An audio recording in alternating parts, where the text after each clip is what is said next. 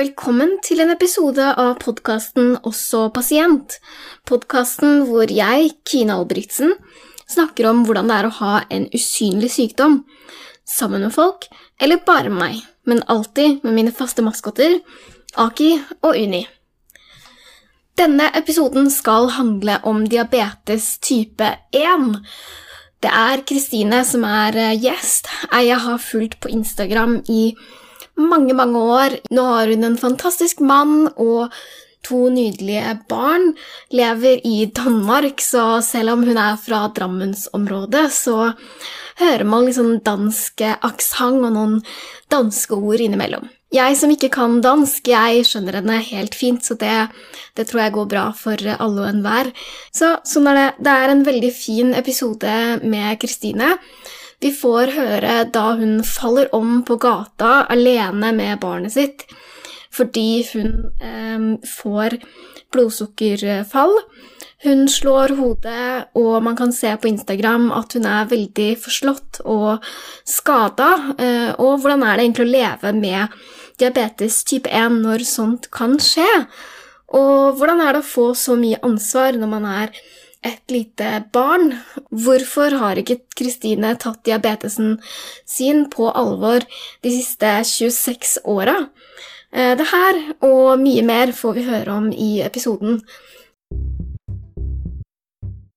Da er vi klare for en ny episode av podkasten Også pasient.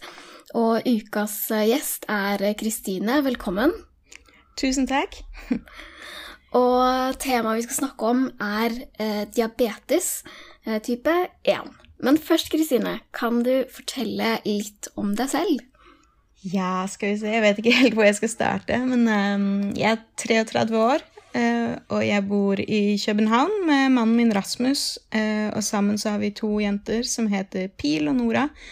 Pil er eh, snart tre år, og Nora hun er halvannet. Og her har jeg bodd nå i snart syv år. og så leser jeg til sykepleie, så jeg er på mitt annet semester nå. Det har gått sju år allerede. Shit, jeg husker ja. at jeg har fulgt deg på Instagram kjempelenge, og jeg husker at du flytta til Danmark, og så har det gått sju år. Ja. Eh, 1. juni så har jeg årsjubileum på hvor lenge jeg har bodd her. Um, og jeg syns også det er litt uvirkelig, fordi det har skjedd mange, tid, mange, ting på den tiden. Uh, men uh, ja, det føles som det har gått lang tid, men det føles også som det har gått veldig kort. Så. Ikke sant. Men eh, diabetes eh, Når var det du fikk den eh, diagnosen påvist? Eh, jeg fikk diabetes i 1995. Så det begynner også å bli en del år siden. Jeg har eh, 26-årsjubileum i år, blir det vel, hvis ikke jeg regnet helt feil. Så, ja. Og kan du si litt om hva diabetes er? Ja, altså det er en, eh, en hormonsykdom hvor kroppen stopper med å produsere insulin. Eh, og insulin er jo noe vi har bruk for for å kunne leve. Fordi det er den som kontrollerer blodsukkeret vårt. Sånn at når vi spiser, eh, så kontrollerer kroppen så vi ikke får for høyt blodsukker. Og det gjør jo ikke kroppen min. Så jeg må selv sette insulin med en sprøyte og måle blodsukkeret mitt hver dag. Uh, og selv passe på at blodsukkeret mitt ikke blir for høyt og ikke blir for lavt. Um, og kontrollere hva jeg spiser, ikke for mye sukker.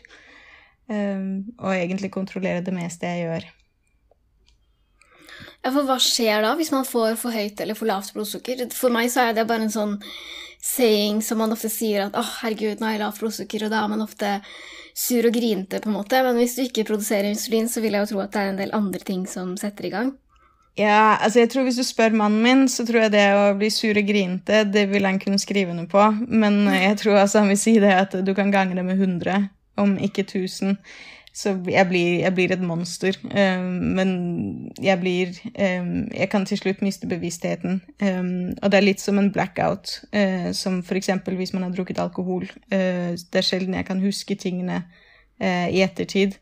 så jeg kan bli sånn jeg kan bli veldig trossig. Så når han sier til meg at 'Kristine, skal du ikke måle blodsukkeret ditt?' jeg tror du har lavt blodsukker så har jeg i hvert fall ikke lavt blodsukker. Så det er akkurat som uh, diabetesen inni meg som prøver å overbevise meg og alle rundt meg om at det har jeg i hvert fall ikke. Eh, og nå har han lært seg så, såpass at hvis jeg begynner å protestere, så vet han at så, så er det bare å måle blodsukkeret og gi meg en eh, brus med sukker eller sjokolade eller et eller annet druesukker. Um, fordi hvis blodsukkeret mitt blir altfor lavt, så kan jeg som sagt uh, falle i koma. Men uh, ja, jeg kan, jeg kan, bli sånn ganske ufin, og vi har faktisk kommet opp og slåss noen ganger fordi jeg protesterer sånn når jeg blir så sur. Um, og det er jo selvfølgelig veldig ubehagelig for han også, fordi han syns jo heller ikke det er, det er, fett å skulle sette seg ovenpå meg og tvinge meg til å spise ting når jeg ikke vil. og hvis det går den andre veien, med at blodsukkeret blir altfor høyt, så kan jeg også falle i koma. Eh, da kan jeg få syreforgiftning. Eh, men symptomene på det først er at eh, jeg må tisse veldig mye, og jeg blir veldig tørst. Jeg blir veldig sånn slapp og sliten. Det føles egentlig litt som jeg har, har sånn tømmermenn. og kan også der bli sånn irritert og, og litt sånn kjip å ha med å gjøre, egentlig. Hvordan merka du det um, i 95? Hvor gammel var du da? Uh, jeg var syv år.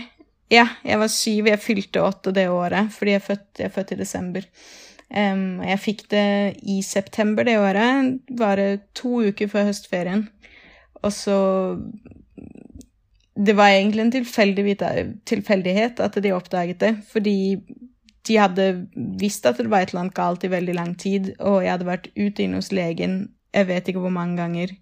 Um, fordi jeg hadde kastet opp over lang tid. Jeg hadde, jeg hadde, vært veldig trøtt, men jeg hadde ikke fått sove noe. Jeg tisset hele tiden. Jeg drakk vanvittig mye. Og så kastet jeg opp, um, og legen var litt sånn Ja, men hun har omgangssyke, det er et virus. Um, og jeg tror også de var inne på det at ja, men hun har en spiseforstyrrelse fordi jeg hadde gått så mye ned i vekt. Um, men mamma og pappa de var litt sånn Ja, men, men hun er syv år, hvordan kan, en, hvordan kan, hun ha en spiseforstyrrelse? Og det er jo ikke sånn at hun ikke har lyst på mat. Uh, kroppen klarer bare ikke å ta imot det. Um, og så var det tilfeldigvis en dag som jeg vet ikke om jeg hadde vært mer slapp og mer sånn enn jeg ellers hadde vært den siste tiden, men uh, pappa og lillebroren min tok meg med ned på legevakta.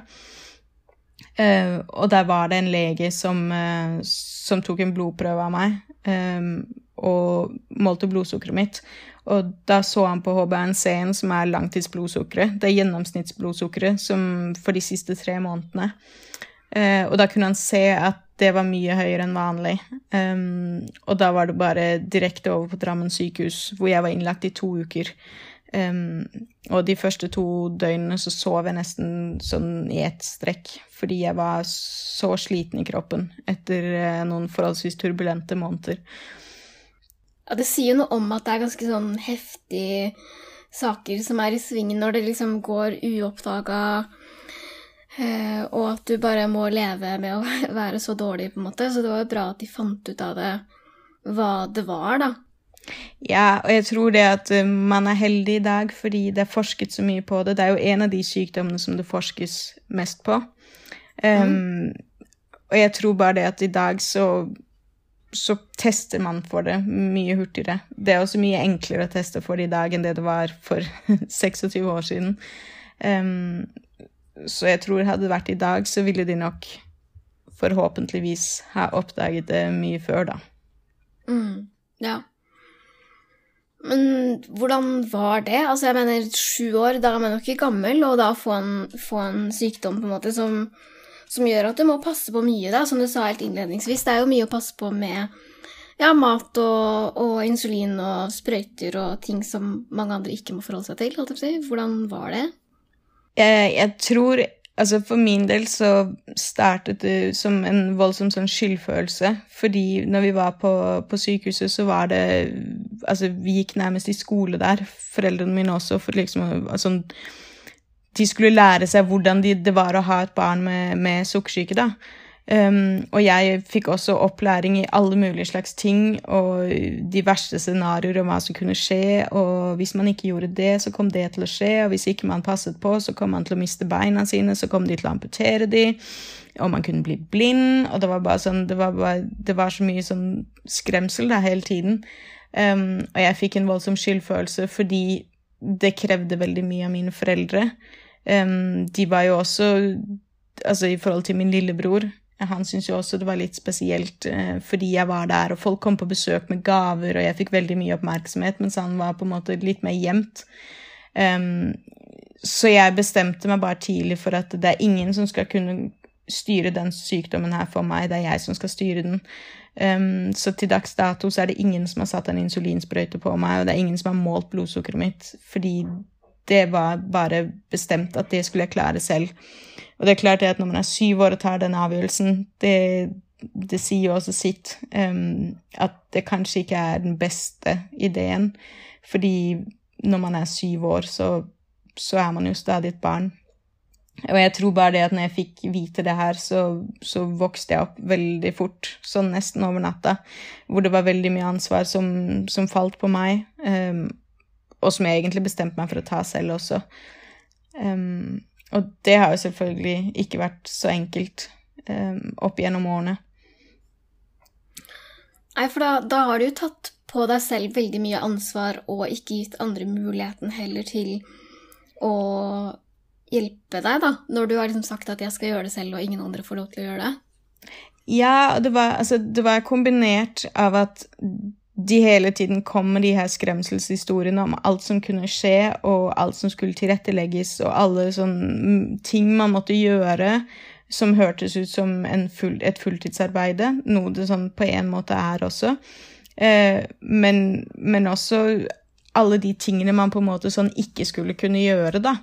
Eh, som gjorde det at jeg hadde ikke lyst til å skulle sette noe stopper for familien min. Jeg hadde ikke lyst til at det skulle være noe sånn 'Å, vi kan ikke dra på ferie der', eller 'vi kan ikke dra til iskiosken og kjøpe is', f.eks. Um, det skal ikke være noe sånn at de hele tiden skal gå og uroe seg for meg. Um, og jeg opplevde jo ganske tidlig i eh, sykdom, eller etter at jeg fikk sykdommen, at um, da gikk jeg på barneskolen, og jeg opplevde å ikke bli invitert i bursdag eh, fordi eh, foreldrene til, eh, til, hun som skulle ha bursdag, hun, de, de, visste ikke helt hva de kunne servere meg. Um, og det syns jeg var veldig sårt. Um, så det var veldig mange ting sånn det første året som jeg tror gjorde at jeg, jeg, hadde, bare, jeg hadde, bare, behov for å, å være Kristine.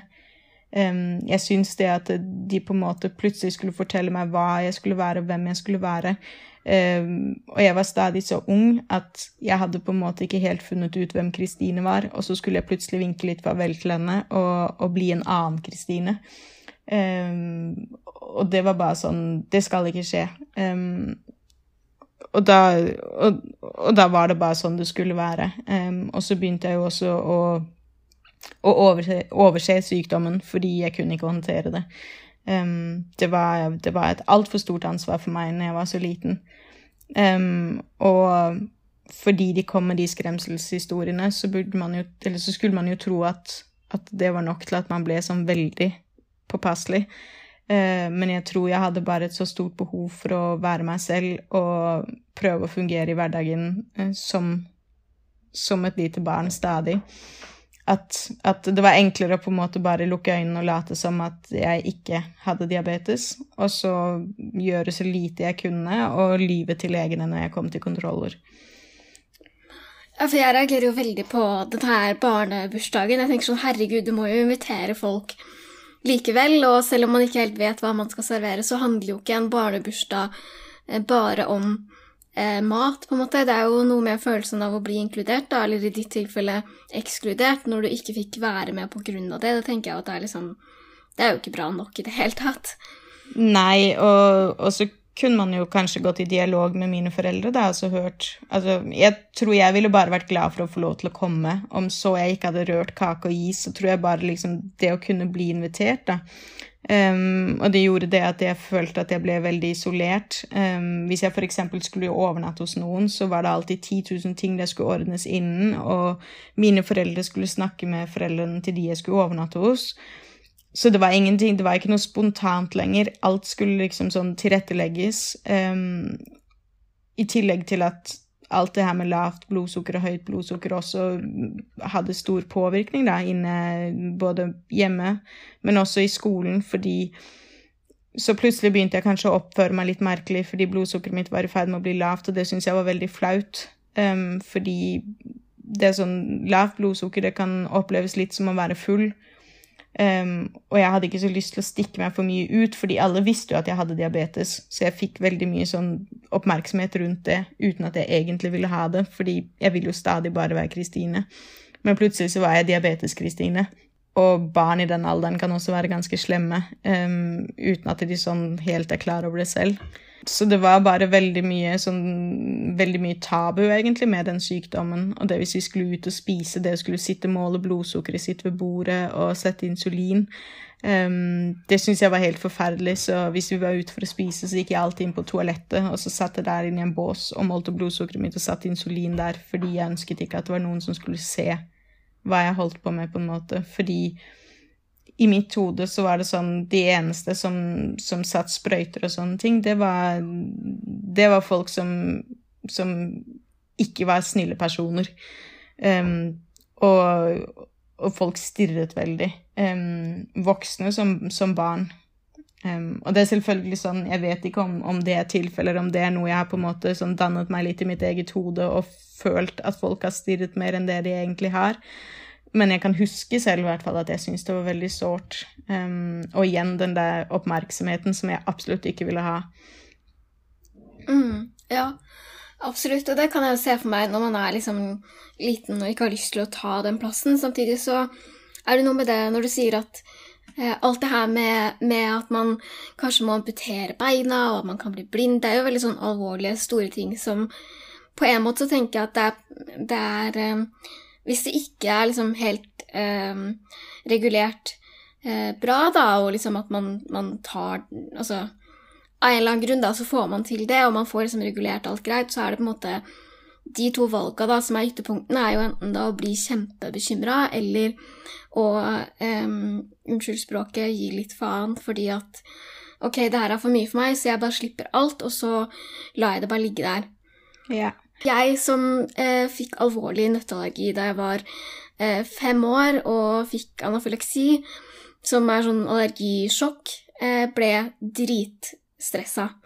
Eh, så jeg har bare gått all in for å passe på eh, alt jeg kan, og dratt den derre eh, strikken der så langt at jeg har liksom eh, gjort altfor mye og bekymra meg altfor mye og tatt altfor mange hensyn som jeg egentlig ikke tror jeg trenger å ta, da, som jeg tenker at det er liksom det andre eh, ytterpunktet. Um, men hvordan har det blitt liksom etter hvert? Det har jo gått ja, 26 år, da. Eh, har det blitt lettere å passe på, eller altså, hvordan har det utvikla seg? Oh. Oh, um, jeg, jeg, skulle ønske at jeg kunne si at det har det, men det har det jo absolutt ikke. Og jeg kan jo godt sette meg inn i det du forteller, um, fordi enten så blir man helt manisk, uh, eller, så, eller, så, som du sier, så gir man litt faen. Um, og for meg så var det bare en altfor stor oppgave. og jeg fant bare fort ut av at uh, ok, så det er mitt ansvar å ikke få amputert bena, det er mitt ansvar å ikke miste synet, det er mitt ansvar det hele. Um, det klarer jeg ikke. Og for meg så var det ikke et alternativ å nesten klare det. Det er sånn alt eller ingenting. Um, og akkurat i dette tilfellet så var det sånn ja, men det her får jeg ikke til. Så jeg lukker øynene mine. Um, og som sagt, det er 26 år. Man skulle tro at ting hadde endret seg, men jeg, jeg syns fortsatt um, det er veldig vanskelig. Fordi sykdommen gir meg aldri noe, noe ferie, aldri noe pause. Den er der konstant hele tiden, 24 timer i døgnet. Um, og det er ikke sånn at jeg bare kan ta meg en hviledag. Um, så jeg tror jeg har bare den dårlige erfaring Eller ikke dårlig erfaring, men jeg har bare noen rutiner i livet mitt uh, som er veldig, veldig vanskelig å, å, å endre på. Um, så jeg har hatt perioder hvor det har gått veldig godt. Eksempel første graviditeten min, så var mitt blodsukker uh, perfekt. Um, jeg fikk high fives av legen, og det syns jeg bare var det mest tilfredsstillende i hele verden. Jeg gledet meg til jeg skulle gå til kontroller, og jeg bare, hånda mi den liksom dirret i lomma fordi jeg gleda meg sånn til jeg skulle få den der high fiven. Det betydde så mye for meg å få den, den sånn positive oppmerksomheten rundt det, da, fordi jeg alltid fått høre at at jeg er dårlig, at jeg ikke er noe god, at jeg ikke kan det her, eh, at jeg må bli bedre, at jeg må ta meg sammen. Uh, og plutselig så kommer det en dame som jeg har voldsomt mye respekt for, fordi hun er uh, hun er en dame med stor D, da. Hun er, hun er uh, sånn hard og, og, og skarp, men hun er bare Ja, hun er også bare kul. Så det å komme der og få den, den, oppmerksomheten, den positive oppmerksomheten for en gangs skyld, da, istedenfor den negative, det var helt fantastisk. Men det var jo litt medaljens bakside. Det var jo det at jeg kunne gå og måle blodsukkeret mitt opp mot 40 ganger i løpet av en dag eh, som heller ikke var godt. Altså, jeg kunne jo våkne midt på natta og ha helt angst fordi jeg ikke hadde målt blodsukkeret mitt på flere timer. Um, så det gjorde at jeg sov dårlig, og jeg tenkte på det hele tiden. Eh, så til min andre graviditet så sa hun det at jeg nok skulle prøve å ta det litt mer med ro, fordi um, ja, mitt blodsukker lå veldig fint, og det var veldig godt for graviditeten, men min angst var på var fullt blomstret ut hele tiden fordi jeg Alt dreide seg om det. Ehm, så graviditet nummer to så ba hun om ta det litt mer med ro, men det resulterte jo i at jeg sånn ga litt faen igjen, um, og ikke fikk det til. Uh, og gikk der med hånda i lomma når jeg var ferdig og hadde ikke fått noen high fives og var egentlig kjempelei meg. Um, og fikk angst på grunn av det. Så det var liksom Der hadde jeg de to motpolene, da. Um, så jeg har, jeg har, veldig vanskelig for å finne den, den mellomtingen. Um, men jeg arbeider på det, og hun er heldigvis stadig diabeteslegen min, og, og vi, arbeider, vi arbeider på det sammen. Ikke sant. Ja, fordi det er jo noe med det at du sier at hun er hard, men helt tydelig med gode intensjoner. At hun er jo ikke bare fornøyd når det blodsukkeret er perfekt, hun er jo også liksom interessert i å tenke at du skal ha det ok samtidig. Og der kom jo det der med at ja, ok, da målte du blodsukkeret da 40 ganger om dagen, og jeg tenker jo at det er jo de ytterkantene som vi har snakka litt om, men hvordan har det vært sånn med mat og sånn? Vi snakka jo litt om det før, uh, før, vi spilte inn, at jeg med min uh, allergi ble også veldig opptatt av sånn Eller det var ikke det at jeg ble så opptatt av det, men naturlig så handla alt om hva jeg skulle spise, og når jeg skulle spise, og hvor mye jeg skulle spise, og bla, bla, bla, på en måte. Hvordan har det vært? Um, det har jo vært litt det samme for meg, fordi Eh, det også var veldig mye fokus på hva jeg skulle spise, og hva jeg ikke skulle spise. Fordi for 26 år siden så var det Altså, det er kostregulert i dag også, men, men, men jeg, for meg så var det enda mer kostregulert på den tiden. Jeg skulle slettes ikke ha noe sukker, og jeg skulle ikke spise for mye fett, jeg skulle ikke spise det, jeg skulle ikke spise det. Eh, det var så mange regler. Um, og jeg skulle jo også spise, fordi ellers ville blodsukkeret mitt bli for lavt. Men jeg måtte passe på hva det var jeg spiste, og aller helst så skulle jeg telle uh, kullhydrater og kalorier og alt mulig. Um, og der, istedenfor å gi faen der, så gikk jeg den andre veien og fant ut at uh, ok, jeg kan ikke kontrollere diabetesen min, men jeg kan godt kontrollere alt som har med mat å gjøre. Um, det er mye enklere, fordi det er ikke en lege som skal se på verdiene mine og si om jeg har gjort det riktig eller ikke der. Um, så jeg utviklet jo en spiseforstyrrelse i løpet av ja, sånn et år etter at jeg hadde fått diabetes. Så den begynte å vise seg allerede da jeg var åtte år gammel.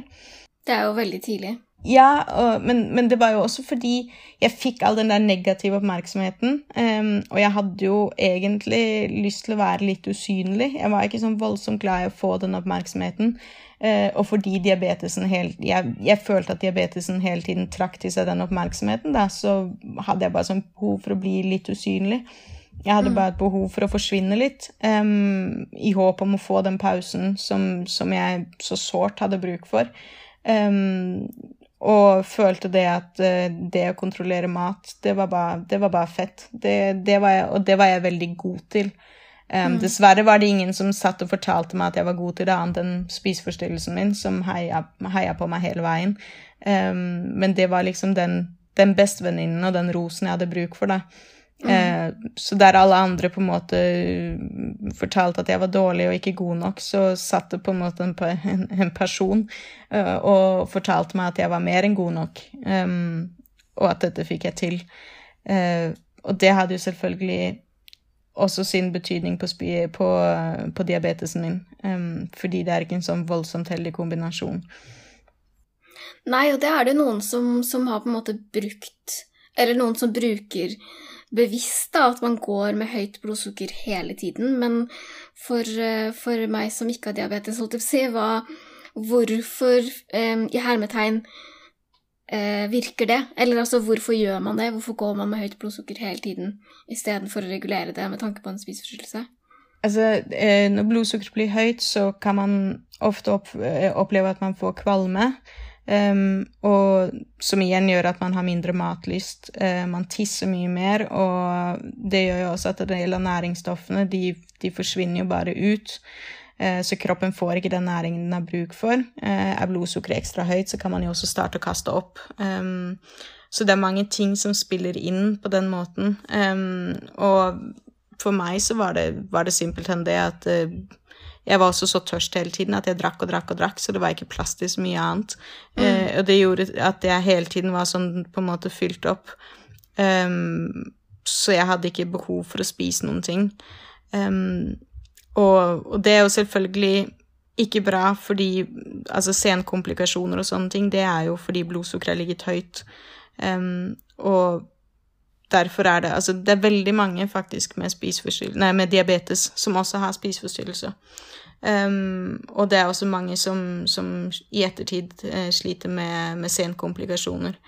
Um, så, så, det har helt klart hatt sitt å si uh, for meg uh, i dag, fordi jeg har, har problemer med, med, synet mitt og har laseroperert begge øynene mine og har noen nerveskader i bena som gjør at jeg får noe epilepsimedisin fordi jeg, jeg, kan ikke sove uten fordi det gjør så vondt.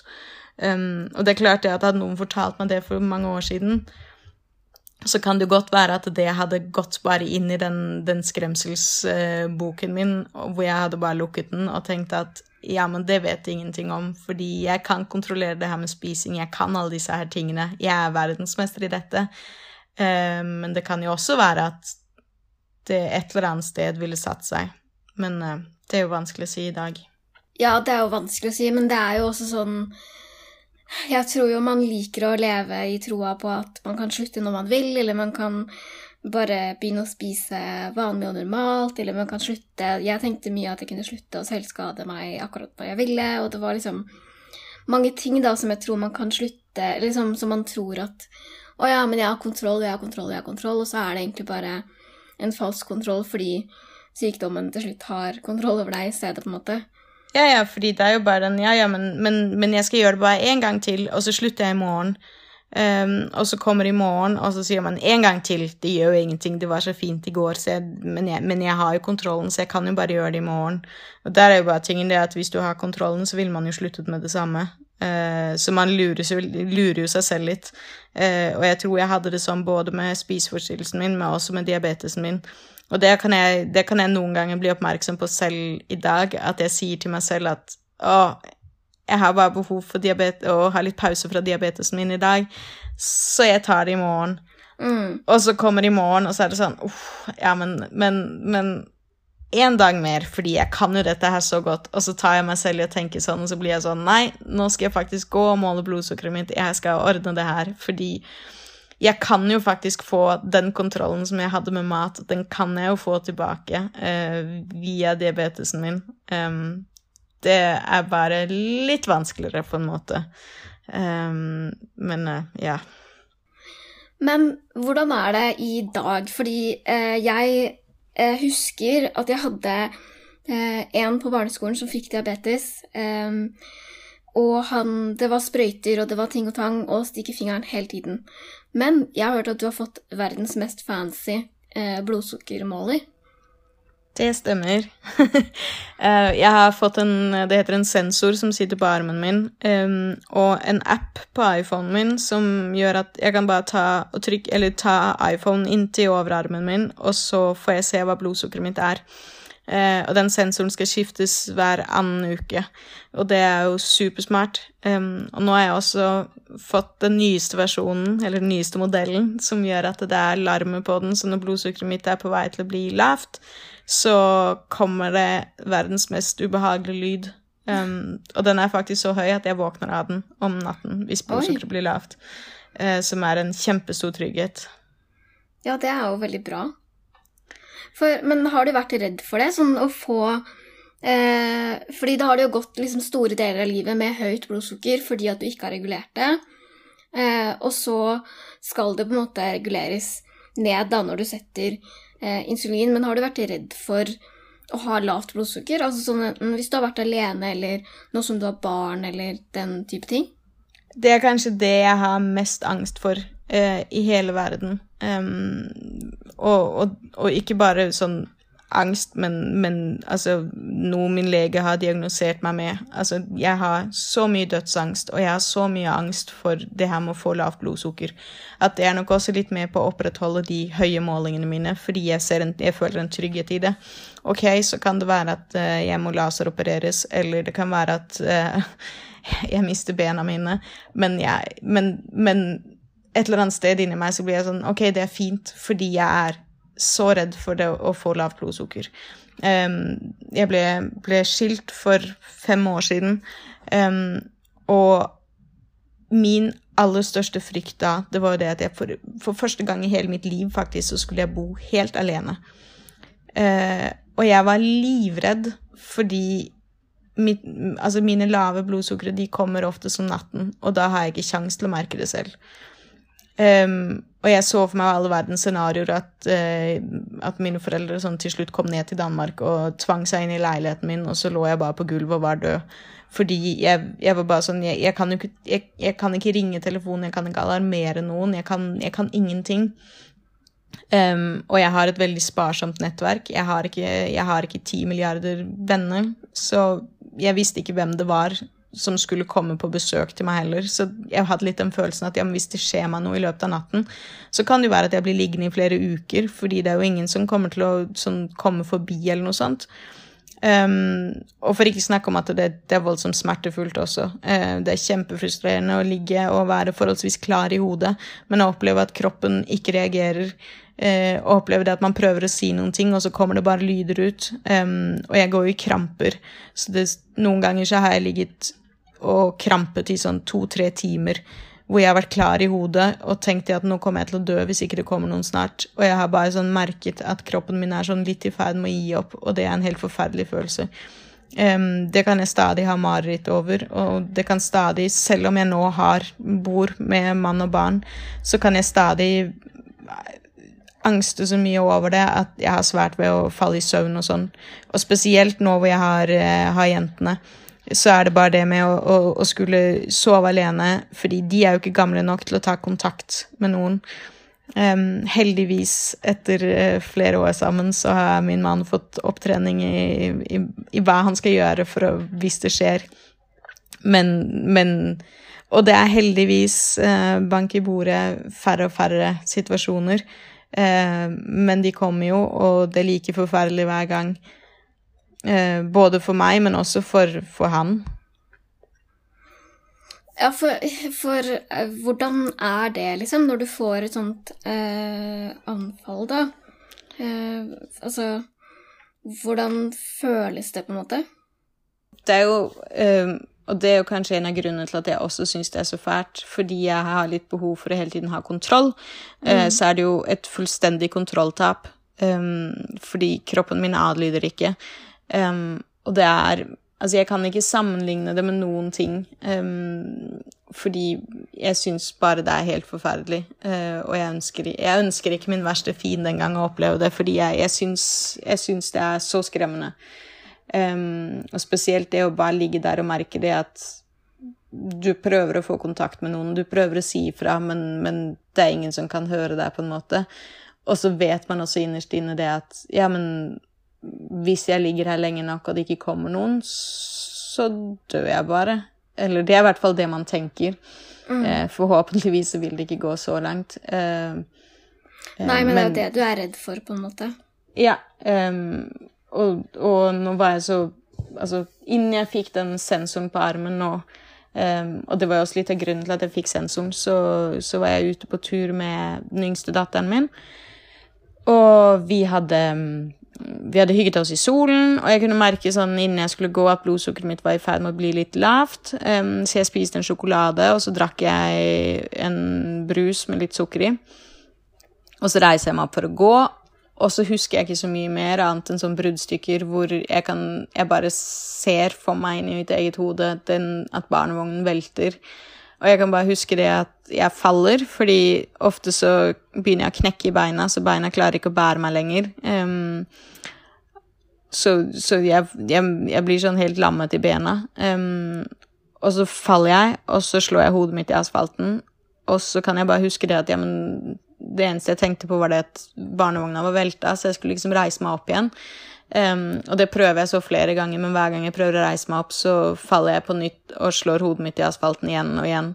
Um, og så kommer det heldigvis uh, flere løpende. Det var um, jeg tror det var fem mennesker til sammen som kom løpende, som ringte til, ringte til ambulansen, eller til alarmsentralen.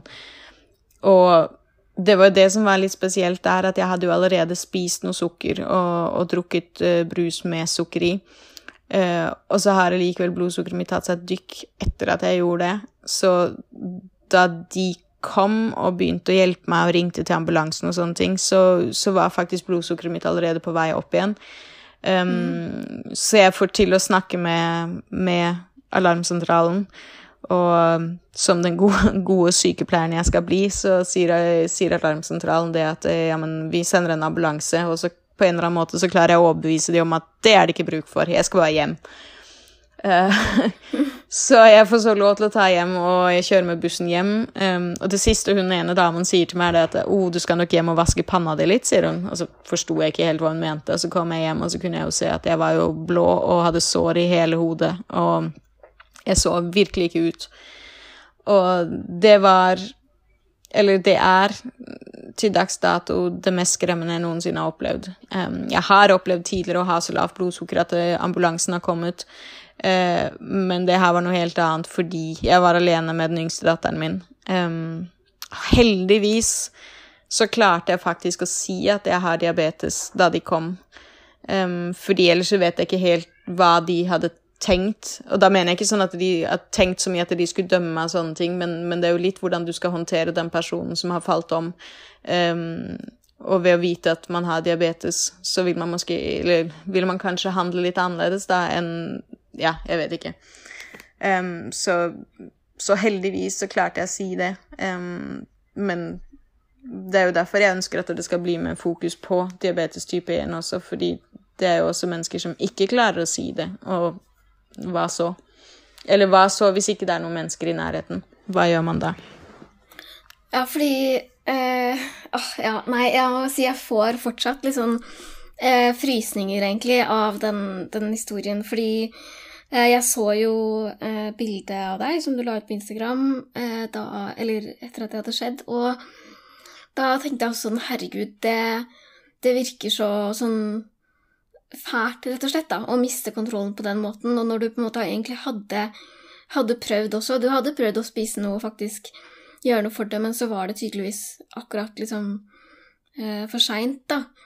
Og det skjønner jeg jo at det er kjempeekkelt og veldig sånn ute av kontroll. Um, samtidig som uh, du sier noe om at man kan uh, virke full, eksempel, og det er jo ikke vanlig at noen uh, Liksom en mamma, da, bare faller om eh, når man går med barnevogna si med, med, ungen på halvannet år, på en måte.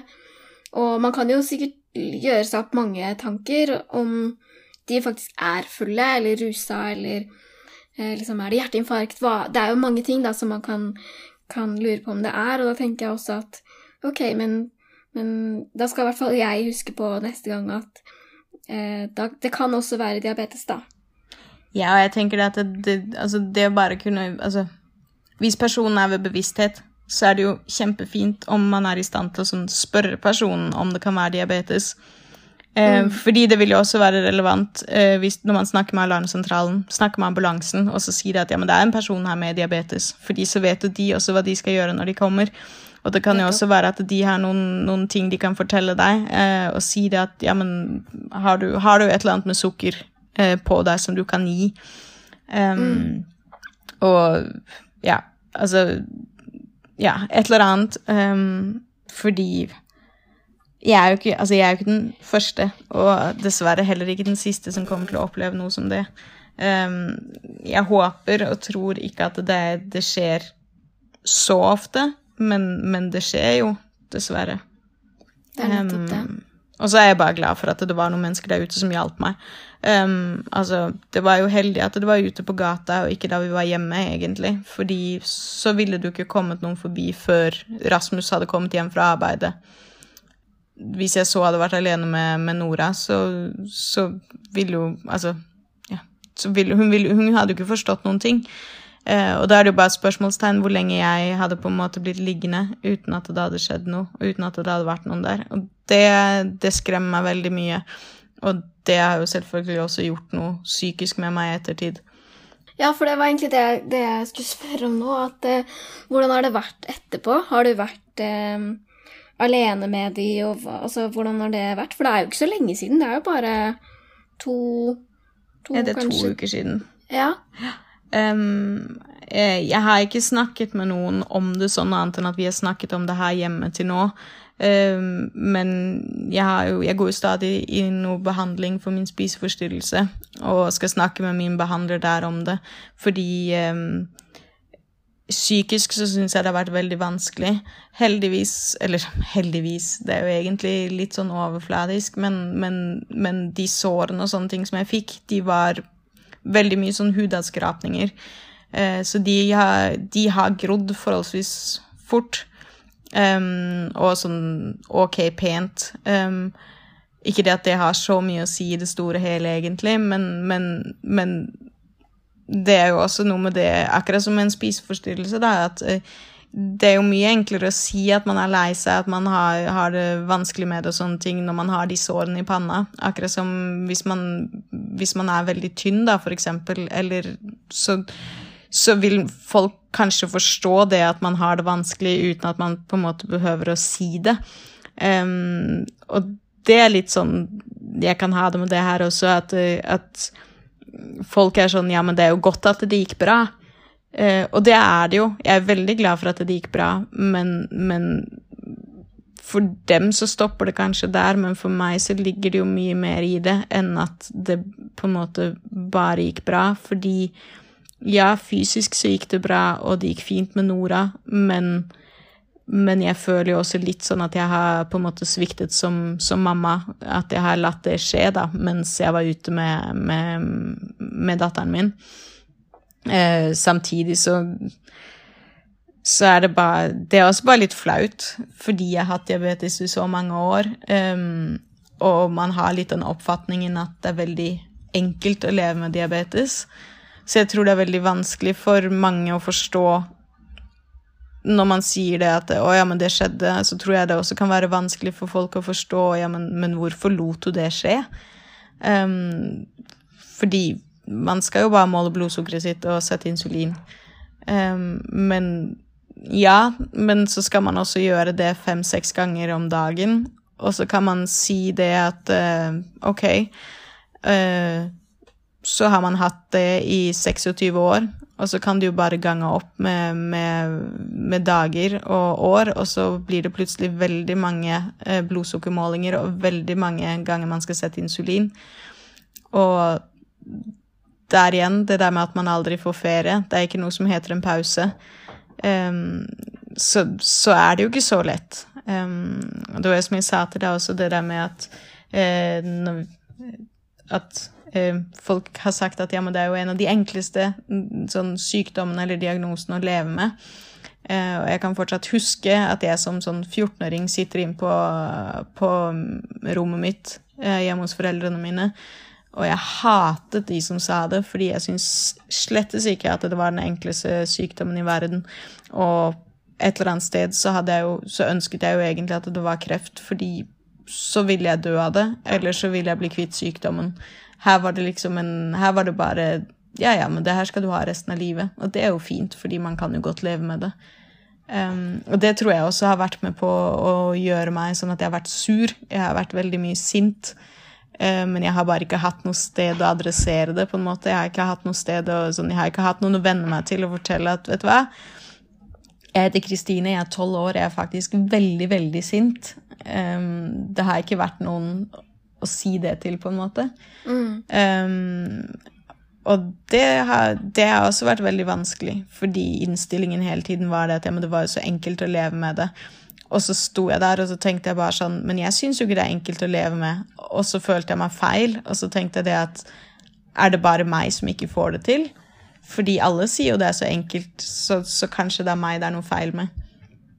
Ja, og syns du det har vært vanskelig? Både at det på en måte ikke syns, som du sier, at det er kanskje enklere når du har hatt sår, um, og også at det er kronisk, faktisk. Fordi jeg kan jo se for meg at når man er eh, syv år, så er det jo litt sånn Denne sykdommen skal du leve med for alltid. Hva betyr det når man er sju år, på en måte? Altså, Har det vært vanskeligere for deg at det har vært usynlig, og at det nettopp ikke har syntes, da? Ja. Um, altså det, jeg tror det, det, er to sider av det, og det ene er det at på en måte så er jeg glad for at jeg var så ung når jeg fikk det. Fordi jeg tror også det er vanskelig hvis man f.eks. er 17-18 når man får det, fordi så, man, så, kan man fortsatt huske tiden innen man fikk det. Og jeg tror det da kan være vanskeligere å vende om på det der med at du skal begynne å regulere ting. Eh, ikke det at det har vært enkelt for meg heller, men, men, når du er vant til å på en måte kunne leve livet ditt akkurat sånn som du vil, så tror jeg også det kan være vanskelig å på en måte skulle gå over til en hverdag hvor det skal være så kontrollert. da. Eh, mens her så fikk jeg det som sjuåring, og jeg, jeg, vet ikke hvordan livet er uten. Um, så det er jo én side av det. Og så er det det helt klart med at det er en usynlig sykdom på mange måter. Um, det, er, altså, det står jo ikke diabetes i panna mi. Um, og, og, det betyr det at jeg skal selv ta tak i folk og si hvis jeg har problemer. Uh, selvfølgelig kan man jo se det når jeg kommer til diabeteskontroll og sånne ting, uh, med at mine målinger og sånne ting ikke er gode nok. Mm. Men, men, jeg hadde på en måte alltid en unnskyldning for hvorfor, og ble fort stemplet som en som hadde en ganske vanskelig diabetes, så de prøvde alle mulige slags ting fordi jeg var jo så pliktoppfyllende hele tiden. Så, mm. så, det var jo ikke noen grunn til at man skulle tro at, eh, at, jeg ikke gjorde det godt nok. Og mine foreldre de var også med på at ja, ja, men hun, hun måler, hun gjør de tingene. Men, men det gjorde jeg jo ikke. Um, og, og, og, det er klart det at det, det, er jo veldig mye vanskeligere å skulle venne seg til noen og si det at vet du hva, jeg får det ikke til, når alle går rundt og forteller deg at det er så enkelt. Fordi så føler man seg jo veldig dum. Um, og da tror jeg bare som, som, liten hadde bruk for at det var en eller annen som på en måte tok meg til side og sa det at vet du hva, jeg forstår at det her er vanskelig. Mm. Um, fordi selv i dag så har jeg på en måte vanskelig med å forklare hvor unnskyld språket jævlig jeg syns den sykdommen er, og hvor vanskelig jeg syns den er. Fordi den ligger der liksom hele tiden. Uh, og det føles litt som den på en måte alltid venter litt på å angripe, da. Um, fordi du skal ikke ligge for lavt, du skal ikke ligge for høyt. Eh, du skal ligge perfekt hele tiden. Eh, og da tror jeg altså det er veldig, veldig enkelt å få noen sånn um, urealistiske, urealistiske sånn syn på livet, da, fordi du skal ha den der perfekt hele tiden.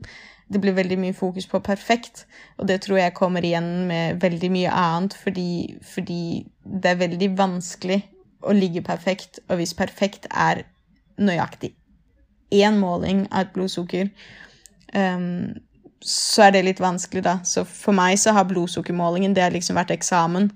Um, og du kan jo ha en dårlig dag som gjør at eksamen ikke går så godt. Um, så ser man kun det negative der, på en måte. Og jeg hadde bare den følelsen at det var ingen som så hvor mye jeg faktisk kjempet for å prøve å få det til.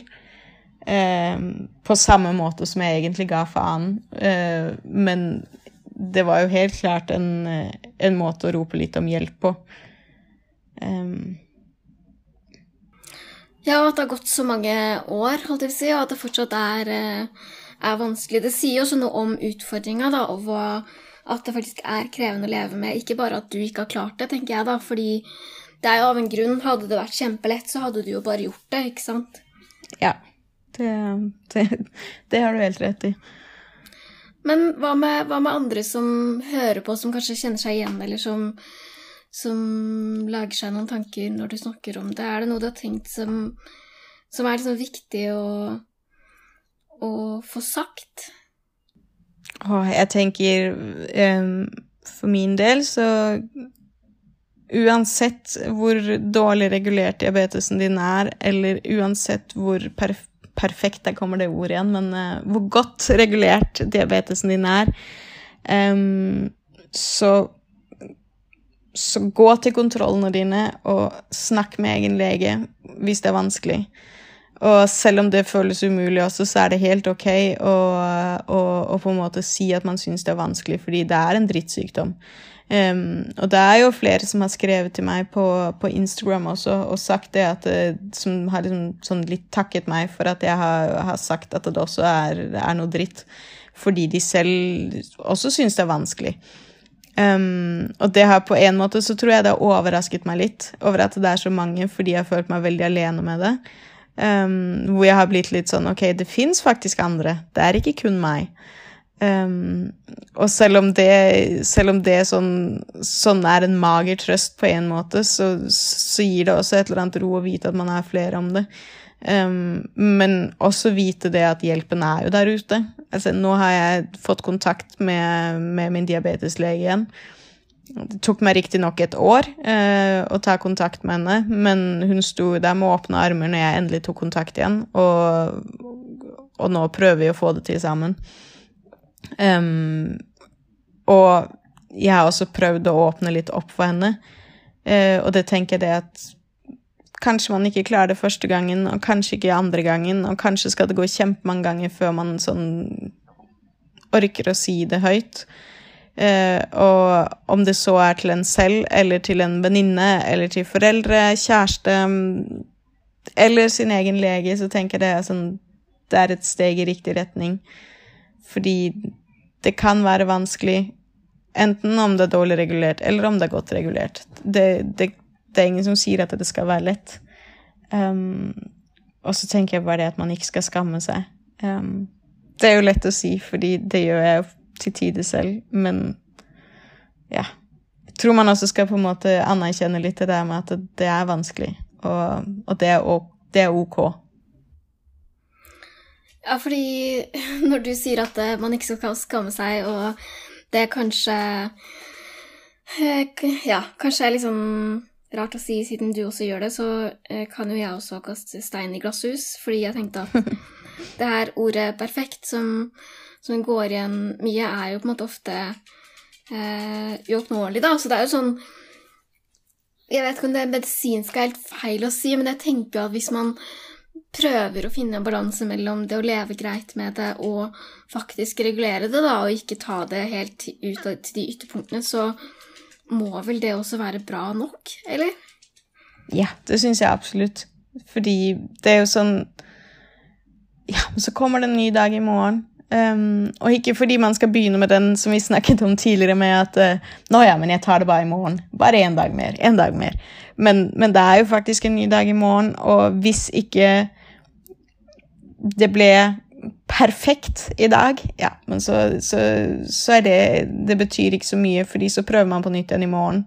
Um, og så skal man også kanskje bli flink til å ikke jakte på det perfekte hele tiden, men å si det at ok, det var kanskje en dårlig dag i dag, men den var kanskje ikke så dårlig heller, fordi den var bedre enn den var i går. Um, og så prøver vi på nytt igjen i morgen.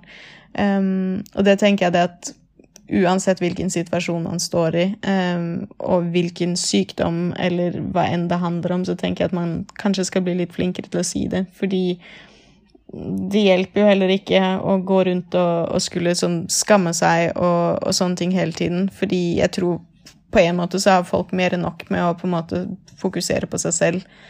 Um, så man behøver det jo heller ikke. Men ja, man stiller jo kanskje også kravene til seg selv, så det er noe med det. Åh, Kristin, det er så mange ting. Det er så enda flere ting jeg har lyst til å spørre om. Det er så mange eh, ja, ting som jeg syns er eh, interessant, og som, som, jeg lærer veldig mye av. Men vi er i ferd med å bikke en times tid, vel, og da er det jo dessverre tid for å avslutte. Det stemmer. Åh, det er jo nesten, eh, nesten dumt, for det har vært veldig hyggelig, og jeg er veldig glad for at du ville komme som gjest. Men jeg, jeg, er kjempeglad for at jeg ble spurt for det. det eller spurt, og det, det, passet jo også godt da, etter at jeg, hadde, etter at jeg falt om den, den, den, mandagen. Så føltes det også som det var sånn Ja, det var, det var nå det skulle være også. Så um, jeg syns det har vært veldig fint. Og takk for at jeg fikk komme. Og takk for at du delte dine erfaringer. Det setter jeg pris på, og jeg tror mange som hører på, kommer til å sette pris på det også. Så da er det bare én ting igjen å si, og det er eh, ha det bra.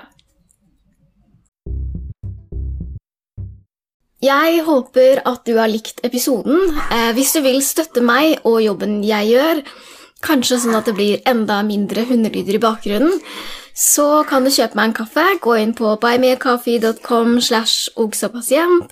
Følg meg på Instagram. Spread the word. Altså, del episoden med noen du kjenner. Eh, alt som eh, er promo, betyr kjempemasse for eh, meg. Det er bare meg som står bak podkasten. Jeg gjør alt fra idé til ferdig produkt. Det dere støtter når dere støtter podkasten, er meg og meg eh, alene.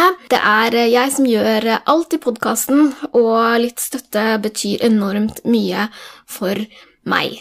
Eh, det hadde ikke gått uten dere, uten at dere hører på, kommer med innspill, gjester, eh, stiller meg spørsmål. Så fortsett med det. Det, det betyr mye for eh, meg. Så snakkes vi kanskje neste uke.